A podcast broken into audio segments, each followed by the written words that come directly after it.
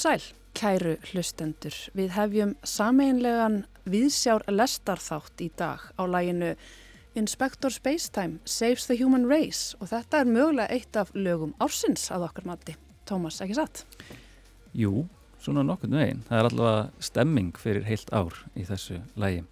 En jú, við setjum hér fjögur, ég, Tómas Ævar, Halla Harðardóttir, Kristján Guðjónsson og Lóa Björg Björnsdóttir og við ætlum að renna, já, kannski frekar rætt yfir heilt ár á tveimur tímum í útvarpi allra landsmanna.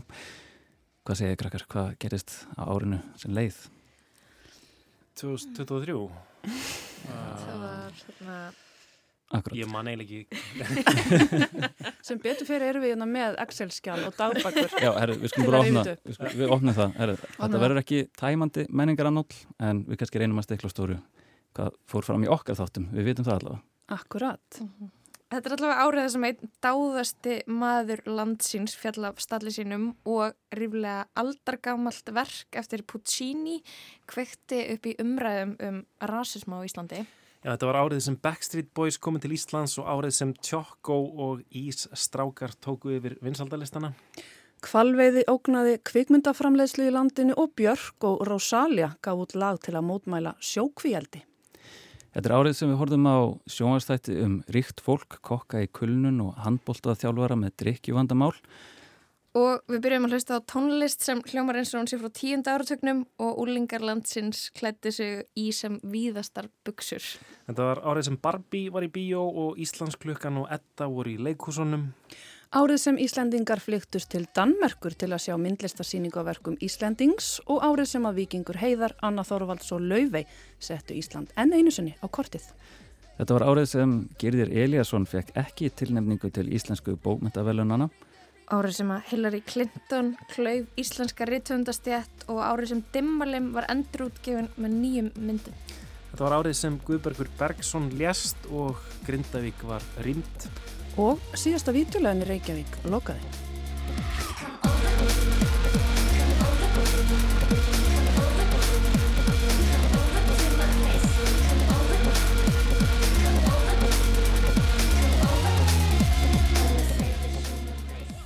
Já, þetta menningarár 2023 byrjaði eh, með kvelli, byrjaði með villibráð, eh, kveikmynd Elsumarju Jakobsdóttur eh, eftir handriti Tyrfings, Tyrfingssonar. Þetta var, það fóru allir í bíó. Þetta var vinsalasta íslenska bíómyndin á þessu ári, eh, frunsind 7. januar, ja, mynd sem hefur verið, ég er endurgerð af, af ítalskri mynd, eh, já, það vildi bara veginn allir, allir fara að sjá þetta vandræðilega eh, matarbóð í, í vestur, vesturbænum. Ég veit, kemur mér smá óvart, hún sé vinsalasta íslenska bíómyndin. Ok, ég, ég af veit, hverju? út í hún var eitthvað eins og, um, hún, var smá svona spes. Hún var smá svona eitthvað, ég veit það ekki, hún var ekki, ekki eitthvað svona formúlu kent, þó hún sé formúla og endurgerð og þetta sé hvað 16. útgáðunar mynd sko eða eitthvað þannig. Fleiri. Uh, þarna, þá var hún alveg smá svona eitthvað, já, þetta gerist bara við eitt mataborð. Einmitt, uh þar er aldrei svona góðan texta til að halda því, eitt matabáð út í gegn og þetta var bara virkilega vel gert, mjög ástæða. Ég held, ég held sko að það hefði verið bara eitthvað vestubæjarandin sem að fangaður í þessari bíómynd sem að gerða hann svona geggjaða sko. Einhver þjóðarsál. þarna. Já, Já. mhm. Já, ég, samt í minni eigin búblu sko, þá, þá var ég svolítið óvisk sko, um þetta er eitthvað vinsæl mynd af því mér varst allir í kringum mig eitthvað nefnir verið búin að sjá eitthvað útgafi af þessari mynd og uh, ég stend ekkert á að, sjá hana og hef ekki ennþá síðan að ég afsaka það en, en ég kannski horfa hana í jóladaskar á rúf núna Gott fyrir alla hlustendur sem er ekki búin að sjá villibráð að skella sér inn í jóladaskar á rúf. Sko árið hófst líka á um, viðbyrði í myndlistinni vegna þess að um, síning á, yfirlitsýning á verkum Hildar Hákonadóttur opnaði miða mánuðin og hún var bara að mínum að eina af síningum ársins, frábær síning, það er Sigrún Rólsdóttir sem að hjælt utanum alla spotta þar, þessi síning er afrakstur tveggjára rannsóknar held, hennar held ég. Og uh, Hildur náttúrulega bara stórkostlega listakona sem að ég held að þetta maður heyra kannski bara östuðt í, við erum með brotur samtali sem ég átti við hana.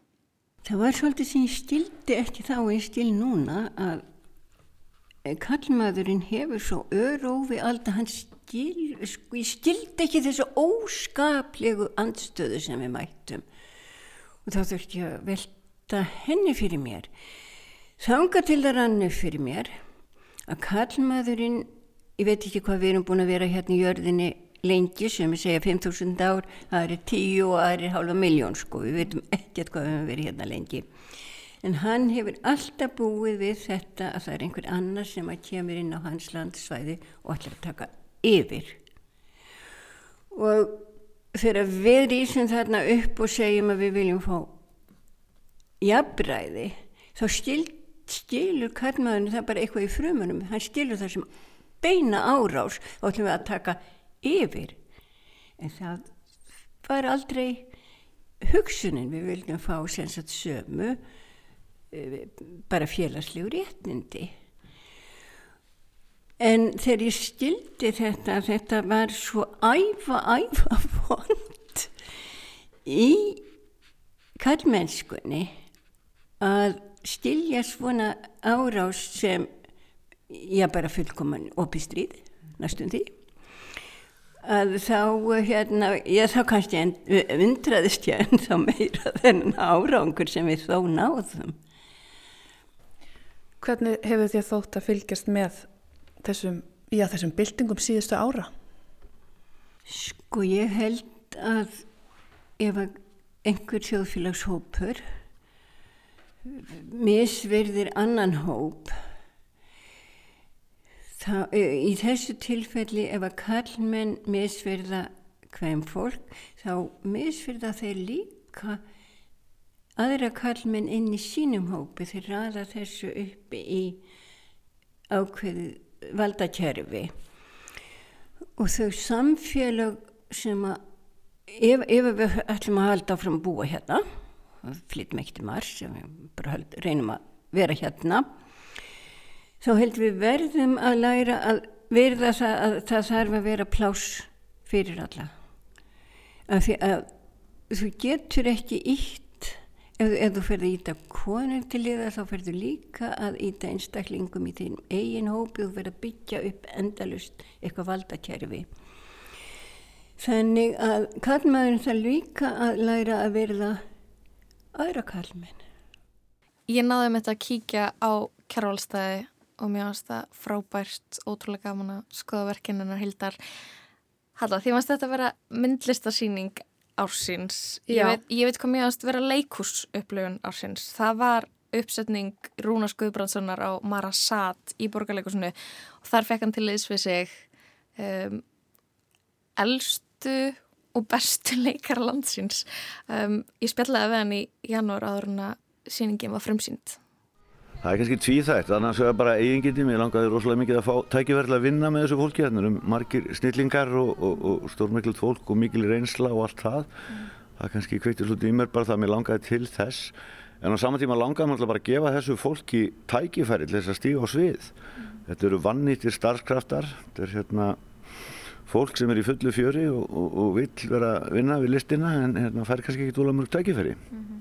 En er ekki líka einhver sögn í því að sviðsetja eldra fólk, einmitt setja þau inn á þetta hæli? Jú, jú, það er það augljóslega, þó við séum alls ekkert að undirstryka það eitt eða neitt, það er náttúrulega bara upp í höndunum á áhörundunum. Mm -hmm. Þetta fjallar um jaðarsettan hóp, fólk sem er búið að loka inni og, og, og hérna, við vitum náttúrulega alveg hvernig ástandu er í þeim álum hér á landi, alltaf hérna, verkilegar hérna, lítgerinnar Sigrúnar Borgvinsdóttir sem hún skilgreinir bara mikið af okkar hérna, sem sagt, heimilum sem reynlega bara total institution eða fangelsi sko. Mm -hmm.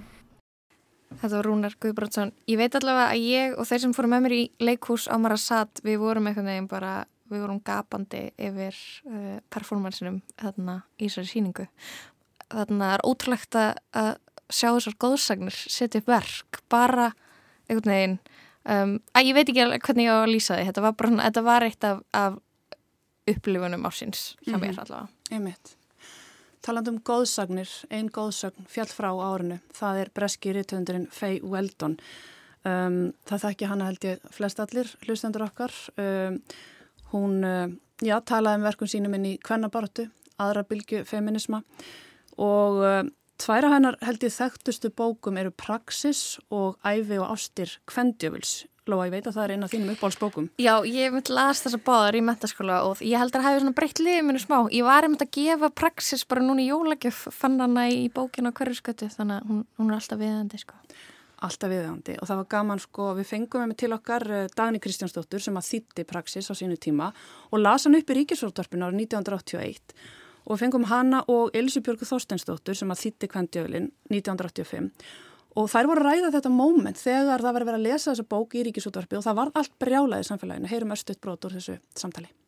Jú, mér finnst það og mér fannst mjög merkilegt að eh, hlusta á þetta vegna þess að ég misti af stóra praxismálinu vegna þess að ég bjó Erlendis þegar þetta var mm. og ég bara hinnlega hafði ekki gert mig grein fyrir því hversu ofbóðslegt ill viðri stopnaðist út af þessu, mér finnst það stórmerkilegt mm og kannski samt ekki eins merkild eins og það ætti að vera vegna þess að það er ekki langt í þetta að sömleiti en þann dag í dag.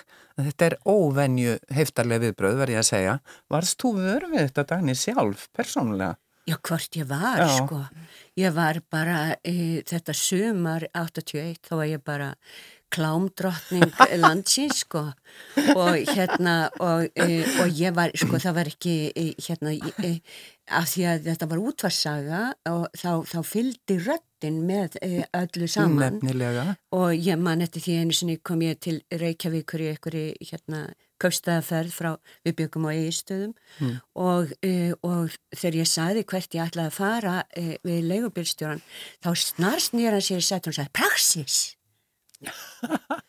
það var praxis komin í bílinn hjá hann sko.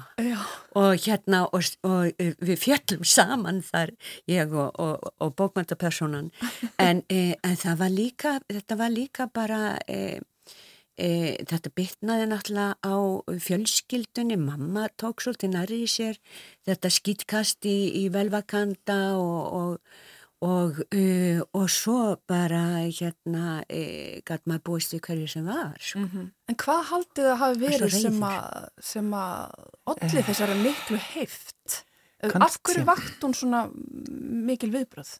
Kanski vegna þess að þetta var, ég veit ekki í fyrsta skipti sem að fjalla var um þessi málvapinbili og útvarpin náttúrulega á þeim tíma með fullri virðingu fyrir útvarpin í dag það náði til bókstaflega allra mm. og það hlustuðu allir á útvarpið sama hvað var málið. þú komst ekkit undan hvort sem þú vildir eða vildir ekki held ég sko mm -hmm.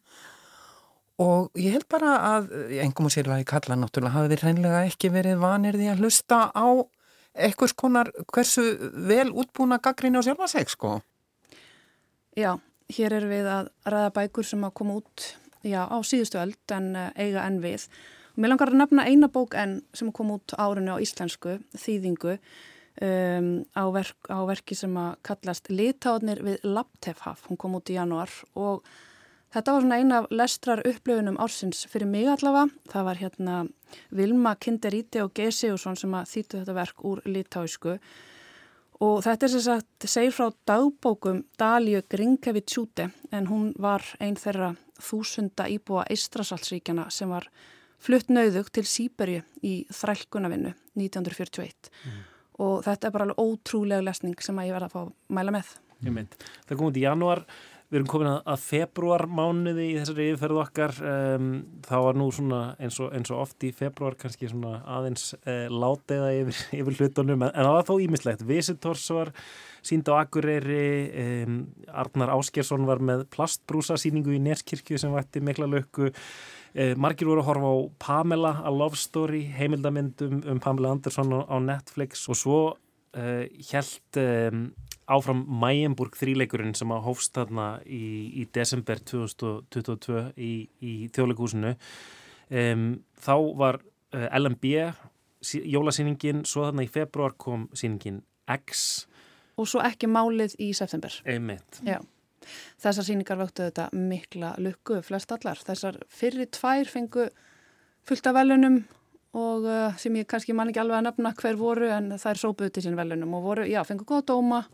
Og hvað er þetta ekki hjónabandi krísu? Jú, nokkur veginn, jú, svona stofudrama. Og það mætti kannski segja líka að þjóðleikusi hafi nýtt sér nánast þess að látiðu þannig í februar til þess að blása upp þessa stóru síningu og við fengum til okkar í viðsjá emitt Guðni Tómasson tók viðtal við Bjarnar Jónsson þýðanda þessara verka um allan Mæjanburg þrýleikin. Við skulum heyra aðeins hvað hann hafði að segja um verkin. það er svona innunlokana kent í þeim. Ég menna við erum alltaf þarna, í allavega í tveimuverkan erum við í, í, í hvort skiptið sko að loka inn í þrjár personur Já. sem að uh, eru kannski ekki einangraðar, ég menna það komast burt og, og, og, og gera það en, en hérna en uh, við erum njörfuð niður í eitthvað eitt rými sem er auðvitað gert og það er náttúrulega auðvitað lagð áherslu á það með því að hafa sömu sko leikmynd í eh, öllum uppsöndingunum að uh, þetta er einhvers konar konar heimur þar sem að, að hérna þar sem búið er að búið er að einangra fólk og það kemst ekki burt það, það, kemst, það getur farið burt sko svona líkamlega og, og hérna, jáfnvel komið tilbaka aftur og allt það en, en hérna, en það er einhvern veginn um leið og stíðat neina sviði þá er það, þá er það dottið inn í þessa baróttu sem það þarf að heia með, með góðu eða yllu sko.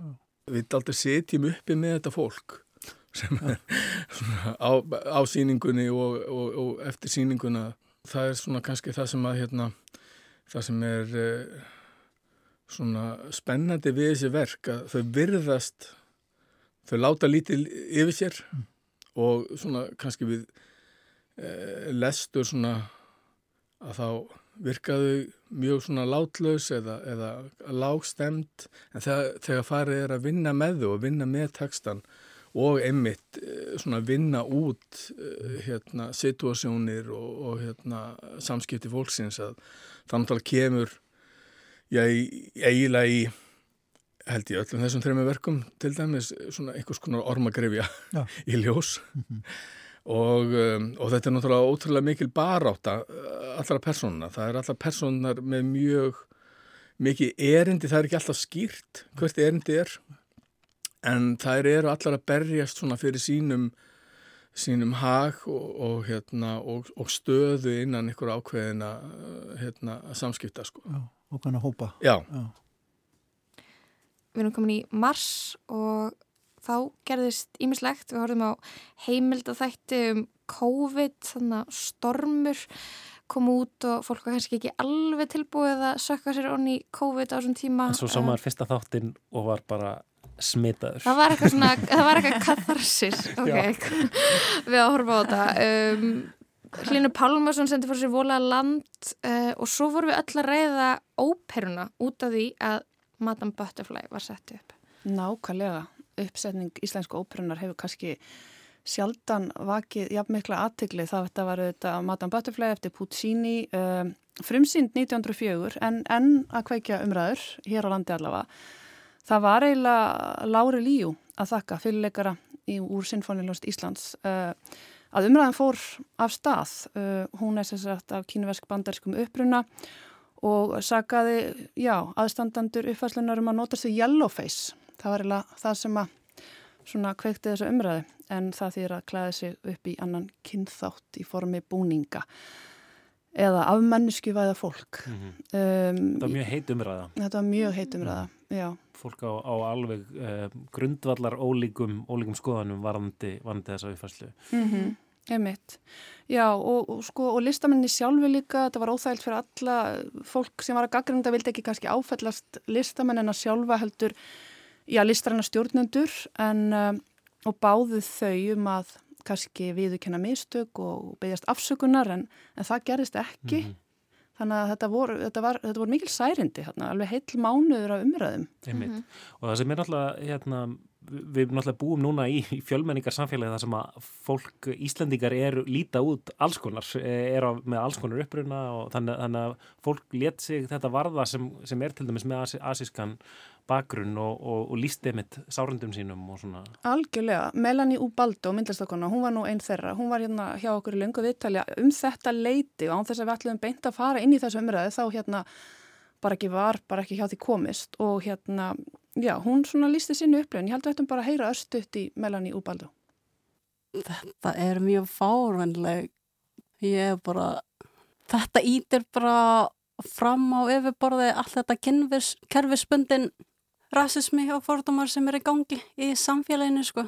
Bara það sem, ég er bara brjáluð út af þessu sko, þannig ég er mm. bara, já ég skil bara ekki á hverju svona almennt svona reysastofnun eins og óperunni, íslenska óperunni getur ekki bara axla óperuna fyrir þessu ákvörun bara í álverðinu þegar þau mætta til bords og var ákveð þessu síningu eða þessu óperu var í álverðinu enginn í herbyrginu sem fekk bara já, eða fekk þessu tilfinning að það er eitthvað á skeið hér og það er Mhm. það, er, það er það sem ég skil ekki sko, með allt þessu umræður sem er í gangi, bara ekki bara hér á landinu.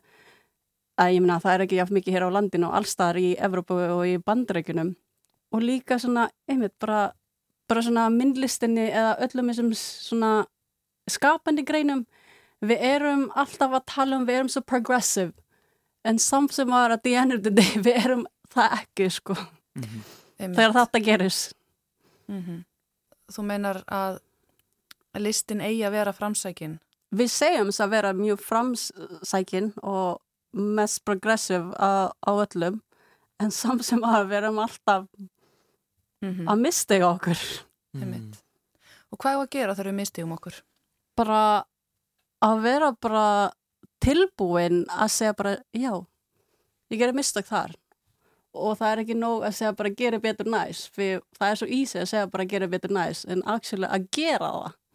Við förum úr óperunni yfir á vídeoleguna uh, þá urðu margir nostalgískir við fregnir að því að síðasta vídeolegin í Reykjavík verið að loka. Það var aðal vídeolegin á klappastíg og því tilefni þá gerðum við Kristján Heilan þema þátt í lestinni þar sem við reyndum eitthvað að gera upp sögu vídeolegunar á Íslandi og margt forvitnilegt sem kom þar fram eins og þarna dæmi í breiðholti Einmitt sjóraningastöðarnar í, í, í breiðholtinu eða bara í, í fjölbýlishúsum um all land. Já, þegar fólk setti spólu í eitt tæki og svo tengdi saman öll sjónvarpin og svo, svo voru fólk að horfa á sama tíma. Býtu bara eins og bíó í blokkinni? Já, þetta er geggjað, sko. Vá. Mm En já, við, við spjallum við mikið af fólki og við fengum fólk líka til að senda inn eitthvað svona minningar af vídeolegum og þarna, það var ótrúlega gaman að heyra í starfs, fyrir um starfsmönnum vídeolega líka, sko. Ég vann á vídeoheimum í Faxafinni, setna Fákafinni, cirka 2007-2008, langar mig að segja, ekki, alveg í ferskuminni. Um, ég fekk vinnuna í gegnum þáverandi kærasta minn sem fekk vinnuna í gegnum þáverandi bassarleikarinn í hljómsveitinni hans. Þetta virkaði einhvern veginn allt svo leiðis, bara einhver keði af MH slúbertum að vinna þarna og gefa koröðurum vinnu. Um, Vídeoheimar höfðu þá sérstöðu á markanum að vera opnum til klukkan þrjú um helgar, allavega þegar ég var að vinna þar. Fyrst þegar ég byrjaði leist eigandanum ekkert á hafa einhverja átjónara stelpu eina á næturvöktum. Um, en ég náði einhvern veginn að sannfarna og, og eftir ég náði að sannfarna þá síndin mér hún hafnaboltakilfina sem var falin undir afgjörsluborðinu. En ég þurfti sem betur fyrir aldrei að nota hana. Næturvaktirnar voru bestar. Eftir miðinætti þá gæti maður hort á bíómyndir og maulanammi nokkurn veginn óarættur.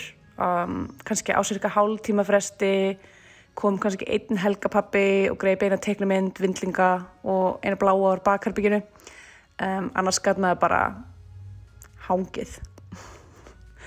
Um, eitt minnistætt um, frá þessum tíma er bókalskerfið sem var nota á leigunni, fjölnir. Það var svona svart og neonleita dóskerfi. Um, allir sem hefur leikt spólu voru með sitt eigið spjald í kerfinu og það var þetta að setja inn aðtúasemdir á spjaldið. Yfirleitt voru aðtúasemdirnar bara eitthvað svona um skuldir eða að viðkomandi væri að svörtum lista. En stundum rakst maður á komment frá fyrri starfsmönnum leigunar, uh, kannski starfsmönnum sem voru ekki einn svona vinnaða lengur og, og stundum var það eitthvað persónlegt eða slúður. Um, eitt sem ég mann í fljótu bræði er að einn gæi í kerfinu var með aðtöðasemdina þessi frændi bubba. Uh, ön, önn manneskja var sem hétt eitthvað svona, þetta, Hildur Hillers og kommentið á hérna, spjaldununnar var Hillers, hvers konar nafn er Hillers? Allavega. Um, svo sá maður líka alla leigusöguna hjá fólki og það var ákveðið sport að rýna í það, uh, svona smá people watching. Já, vídeolegan er kannski eða líklegast dauð en það er samt ekki kveikmyndaformið. Alls ekki. Eh, Það voru tvær íslenska myndir hérna í, í mars eh, frumsýndar á ferð með mömmu þar sem að þröstur Leo keirir um með látna móður sína í, í bílnum mynd eftir Hilmar Oddsson. Og svo var það Volaða land um, þetta er mynd sem var frumsýnd á Cannes reyndar í, í fyrra um, mynd eftir Linn Pálmason um, mjög svona episk og, og myndræn Ég var mjög hrifin á henni, sko, mér varst ég loksins geta að fengja eitthvað útrás fyrir eitthvað svona nýlendu gremju, eitthvað dönum. Við vorum svolítið að tólka hana þannig og svo spjalluðum við Hlinn Pálmarsson Já. og hann var ekki, hann skildi hann ekki þannig, við vorum með eitthvað aðra.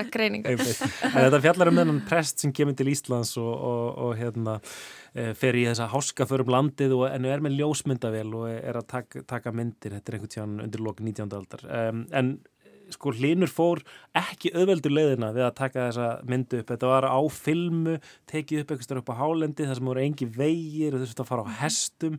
Skulum heyra Hlin lýsa þessu? Sko, þetta var við, sem sagt, eitt af mikilvægast að fannst mér að, sem sagt, að við myndum skjóta þess að mynd kronológist eða svona í réttri röð. Þannig að við varum ekki of mikið að fykta í svona færa okkur fram og tilbaka því að mér, mér langaði svolítið svona að sjá leikarina svolítið svona vaksa inn í hlutverkin og ég var ekkert mikið svona aðstóða byrjun, ég var svona meira bara svona horfa og segja að mér fannst eitthvað ekki virka en ég var svona, ég vildi alls, alls ekki læsa neitt nýja ykkur, þú veist, ég vildi ekki segja alls ekki þetta, þú veist, mér langar bara að vera svolítið opinn fyrir hvað myndi gerast. Þannig að, þannig að ég vildi svona byrja einhvern veginn bara sjá hvað gerist, vonandi kemur þetta manna óvart og svo vonandi vaksa þér inn í hluturkin og ég, ég hafði svona ég, ég hafði svona grun, ég grunaði líka svolítið að, að sérst presturinn eða sérst Lukas leikarinn Elliot Crosset uh, myndi svona svolítið taka þessu uh, með einhverju svona alvöru og hann myndi örgulega, þú veist, grenna sér vel og hann myndi svona, hann, ég vissi það að þetta ferðalag yrði líka svolítið ferli fyrir hann. Þannig að ég vildi heldur ekki fokka mikið í því að því ég vildi að hann myndi bara svona náttúrulega um, missa vitið eða, eða, eða sérst hérna eða, eða svona náttúrulega bara vera gjörsamlega líflaus. Og en, en ferðalagi sjálft var við, sko, fólki sem er með okkur í ferðalaginu eru, eru bara þetta eru bara þetta, er, þetta eru þeirra hestar þetta er, þetta er þeirra hundur, Jökull sem heitir Jökull Darri en, hann, en þetta er svona fólk sem er vant og, og hestan eru vanir að fara þessar leiðir, þeir þekki þetta og, og, það er mjög mikilvægt því að uh, til dæmis þegar við erum að lappin í Kollumúla sem er uh, austan í Lóni að þá þá eru, þá eru þetta staðir sem þú ferð ekkert með hesta sem eru óvanir og þekkit ekki. Þannig að þú þarft einhvern veginn að þú þarft að þeir þurfa, þeir þurfa sérst, þeir þurfa að hafa farið þetta áður sko og þeir lappa svona hálfpartin eins og ballerínur sko En það var ekki bara gott bíó í mars. Ég fór allavega að sjá tvær góðar síningar í leikursinu. Ég fór að sjá uh, prinsessuleikana í leikstjórn Unu Þorleifs og svo var það líka Íslandsklukkan og það var leikopurinn Elefant og það var held ég Þorleifur Örn sem var leikstýra. Mhm. Það, já, þau voru einhvern veginn uh, að einhvern veginn prófa að segja þessa sögu sem er svo uh, stór og mikilvægur partur af bókmyndaarfi Íslandinga nema það voru bara ekki alveg, reyndar var Halli Mello með en það var flestir á sviðinu voru Íslandingar af blöndum uppruna það voru Tel, Marja Telma sem var leik Snæfri Íslandsól og já, það var, það var alveg mjög sérstætt að sjá þessa síningu og Mhm. ég veit að það voru margir hrefnir Mhm. Já, ég var að taka undir með þér með hérna líka prinsessuleikana, mér varst það frábær uppsetning á svona vera að krifja þessa mítu um prinsessuna Mhm. og ég alveg man ennþá eftir Solveigu Arnarsdóttur sem Jackie Kennedy, það var ansi flott. Já, sérstaklega hún tók á sér hárkolluna Já. það er alveg bara Það mhm, var moment. Það var moment Já. Sko, Íslensku myndlistavelunin voru líka veitt í mars og uh, myndlistamæður Ársins er Hrafkell Sigursson. Kvartningavelunin í ár hlaut áskýru Birna Björnsdóttir og heiðusvelun Ragnhildur Jónsdóttir. Sko, Ragnhildur Jónsdóttir, hún var þeim eitt nýrað árinu og uh, yfirlitsýning á verkum hennar opnaði listasamni Árnesinga, Kosmos Kaos, frábær síning sem að var að klárast. Uh, einn af síningum ásins, myndi ég líka segja. Svo var ein skemmtileg síning líka í mars í Galleri Port við Laugaveg. Um, það sem að gjörningaklúburinn uh, gaf Áskrimi Jónssoni rödd. Það er hafði aldrei verið að vinna með sko miðla og hérna kalla þessa aðferð miðill miðill. Og mér finnst ekki oft sem við fáum tækifæri til að spila upptöku af miðilsfundum hér í Ríkisúttorpinu þannig að ég held að veitum að fá að heyra þessi skilaboð sem byrtust á þessari síningu Gjörningaklúpsins í mars Östut, heyrum í Áskrimi Jónssoni Hún myndi alltaf mikið niðri fyrir. Því miður þá stjórna peningar of oft, ég veit ekki að hann vil tala svona mikið um þetta. En hann segir þetta er fara að menga það er þetta sem hann líkar illa. Mm. hann segir sko fegurinn þarf að byrt, byrtast í gegnum listina en hún er á undanhaldi vegna þess að það er komið á mikið af peningum inn í listsköpun. Og það er utan að koma til áhrif sem eru farin að hafa áhrif á listsköpun Já, sko, kjarnin í skilabóðunum hans uh, er mjög skýr til okkar sem li list, listamanna og til allra listamanna, hvort sem þeir eru Íslendingar eða útlendingar. Og það er kannski bara þessi, uh, fyrst og fremst þessi svona bara gamla góða, um, hvað segir maður, svona heiðvirðra, virða attitút til listarinnar og starfsins sem er það að vera heiðalegur og, og látast ekki stjórnast af peningum jáfnvel þó að það sé að sama tíma auðvitað alveg sjálfsagt að geta lifað að listinni. Hann var fyrsti listamæðurinn sem að uh, talið er að hafi verið starfað einungi sem myndlistamæður á Íslandi.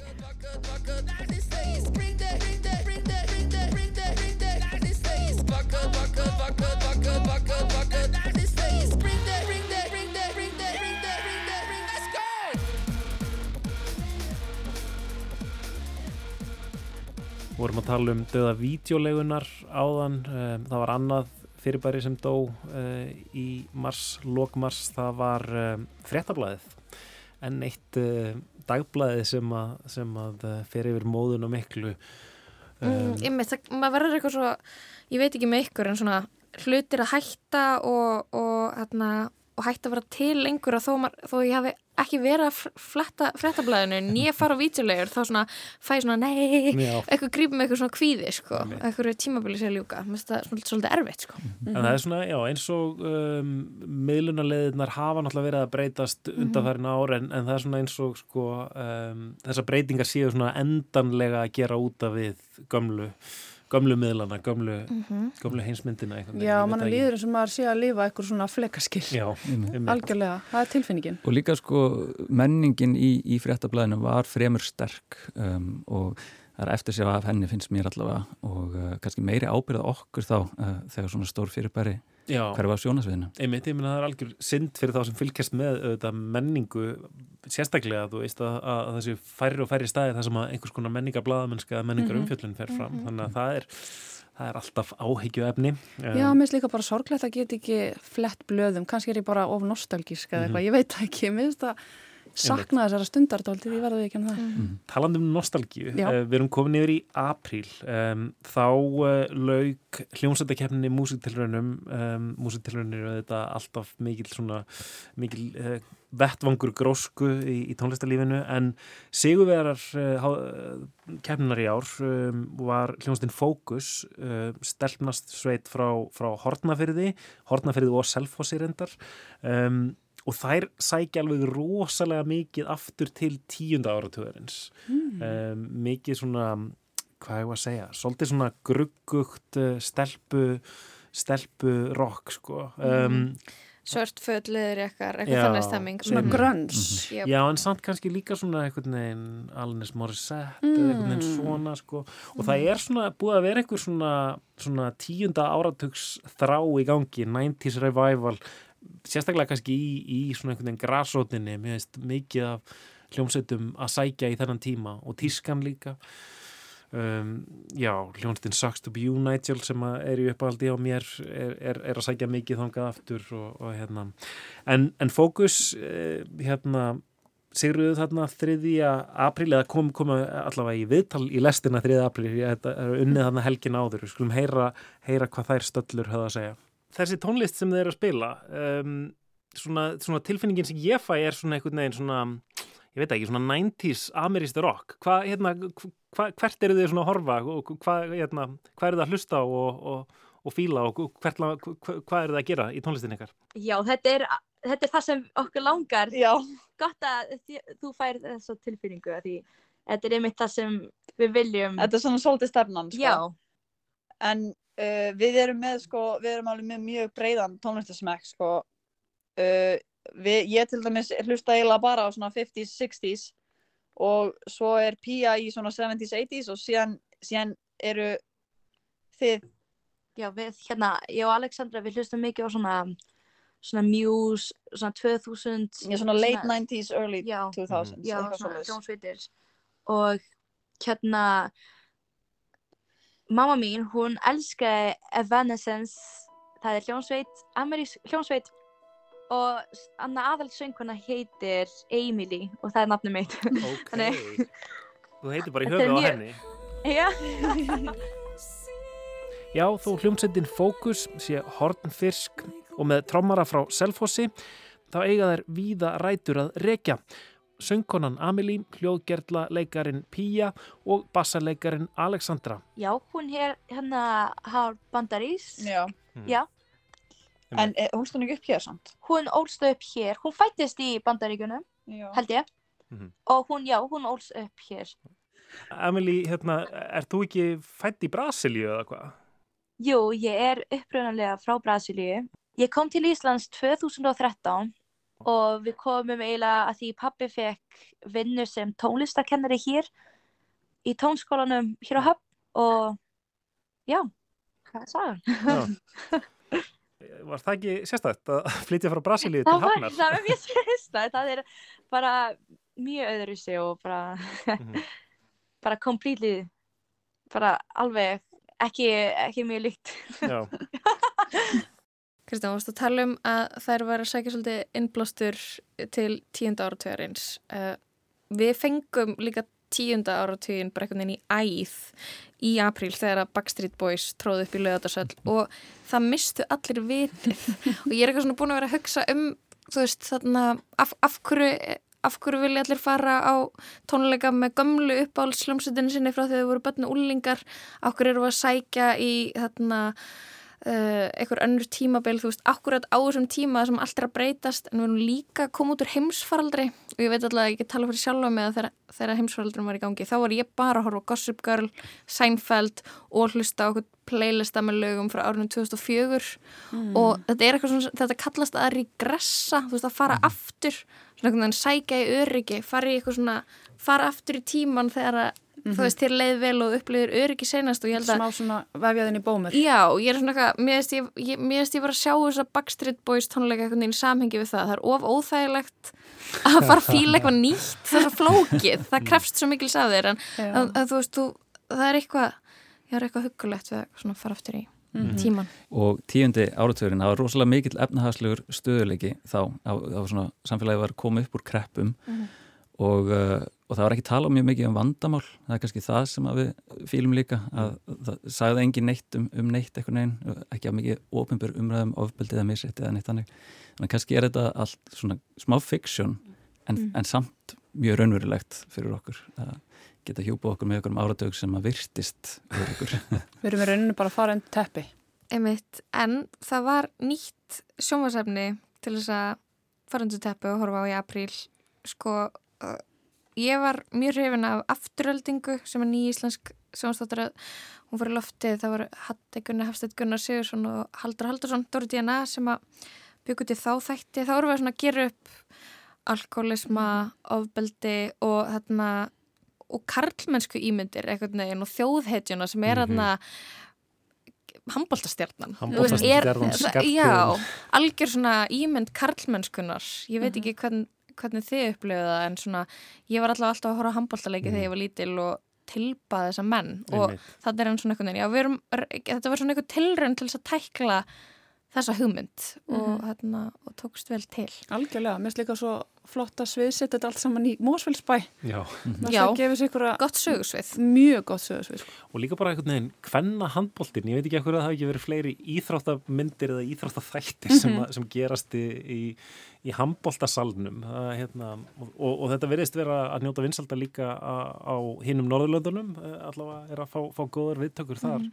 Og er eitthvað meira spennandi heldur en handbóltaleikur? Ég var allavega Já, Lóa, það er fullt meira spennandi heldur en handbóltaleikur Ég var, ég, ég, ég var bara ég svitnaði lóforum þegar það var spilaðar handbóltegi þessum þáttum sko.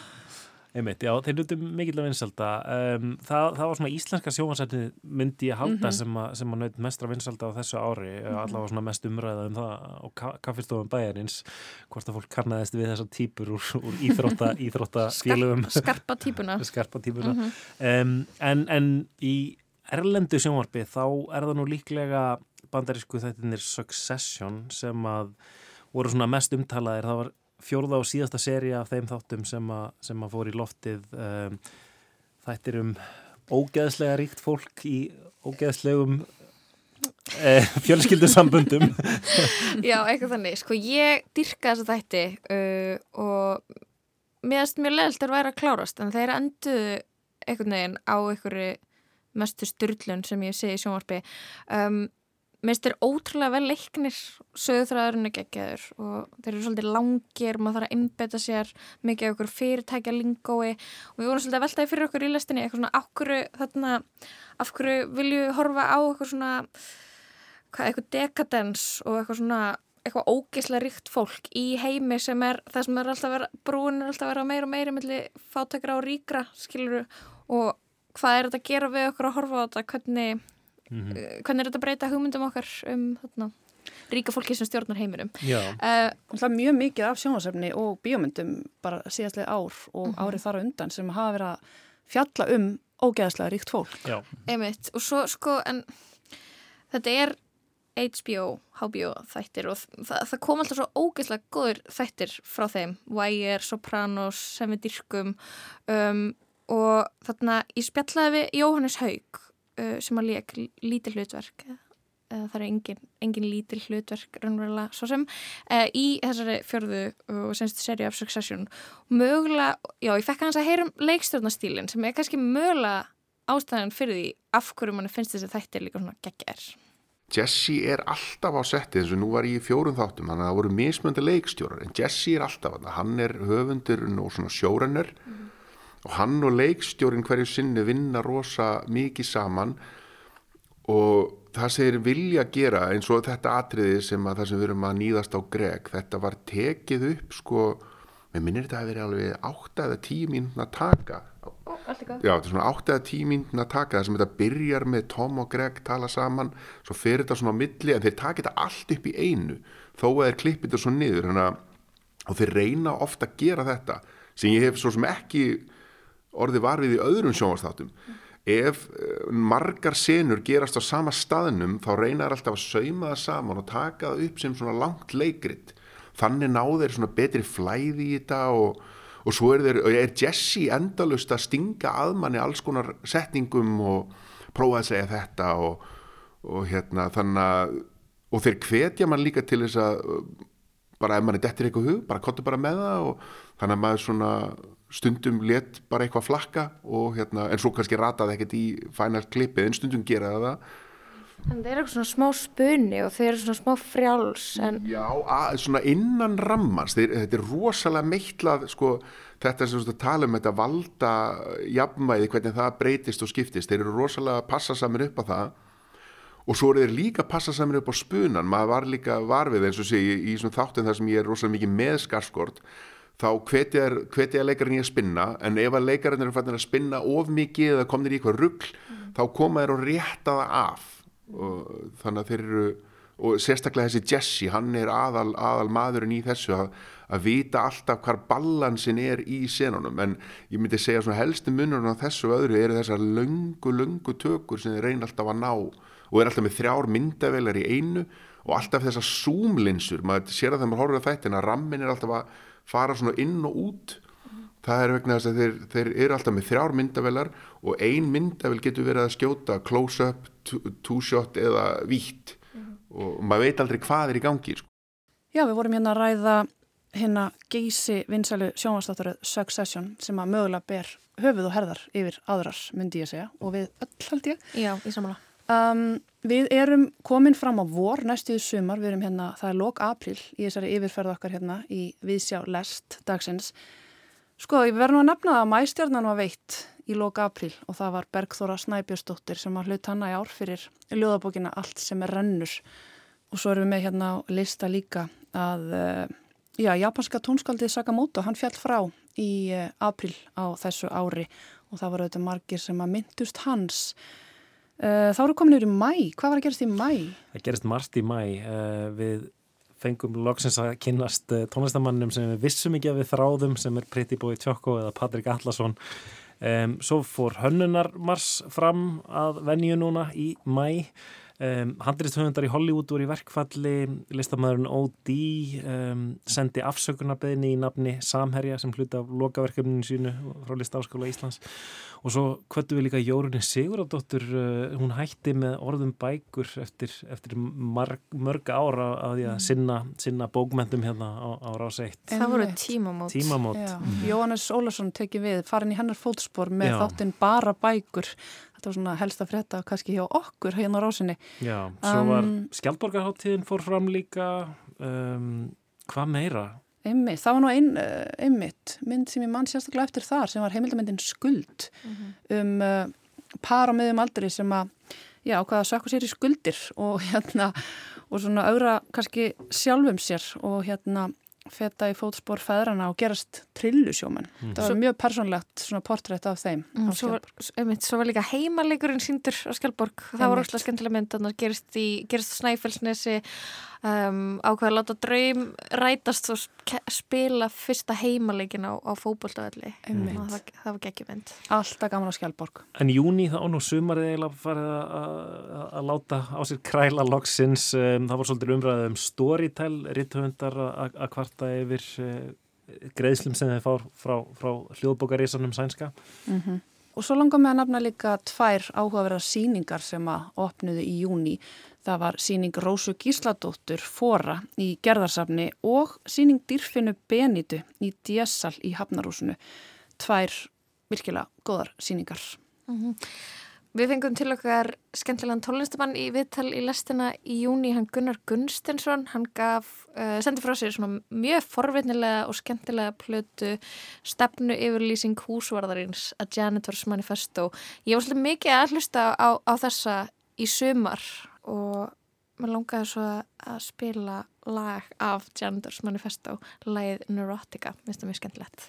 Við skulum setja það lag á hérna í lókin, við erum að sprengja tíman í fyrirluta þessarar árs yfirferðar hjá Vísjá Lest, það komið að frettum og við heldum áfram með setniluta árs en sér eftir frettir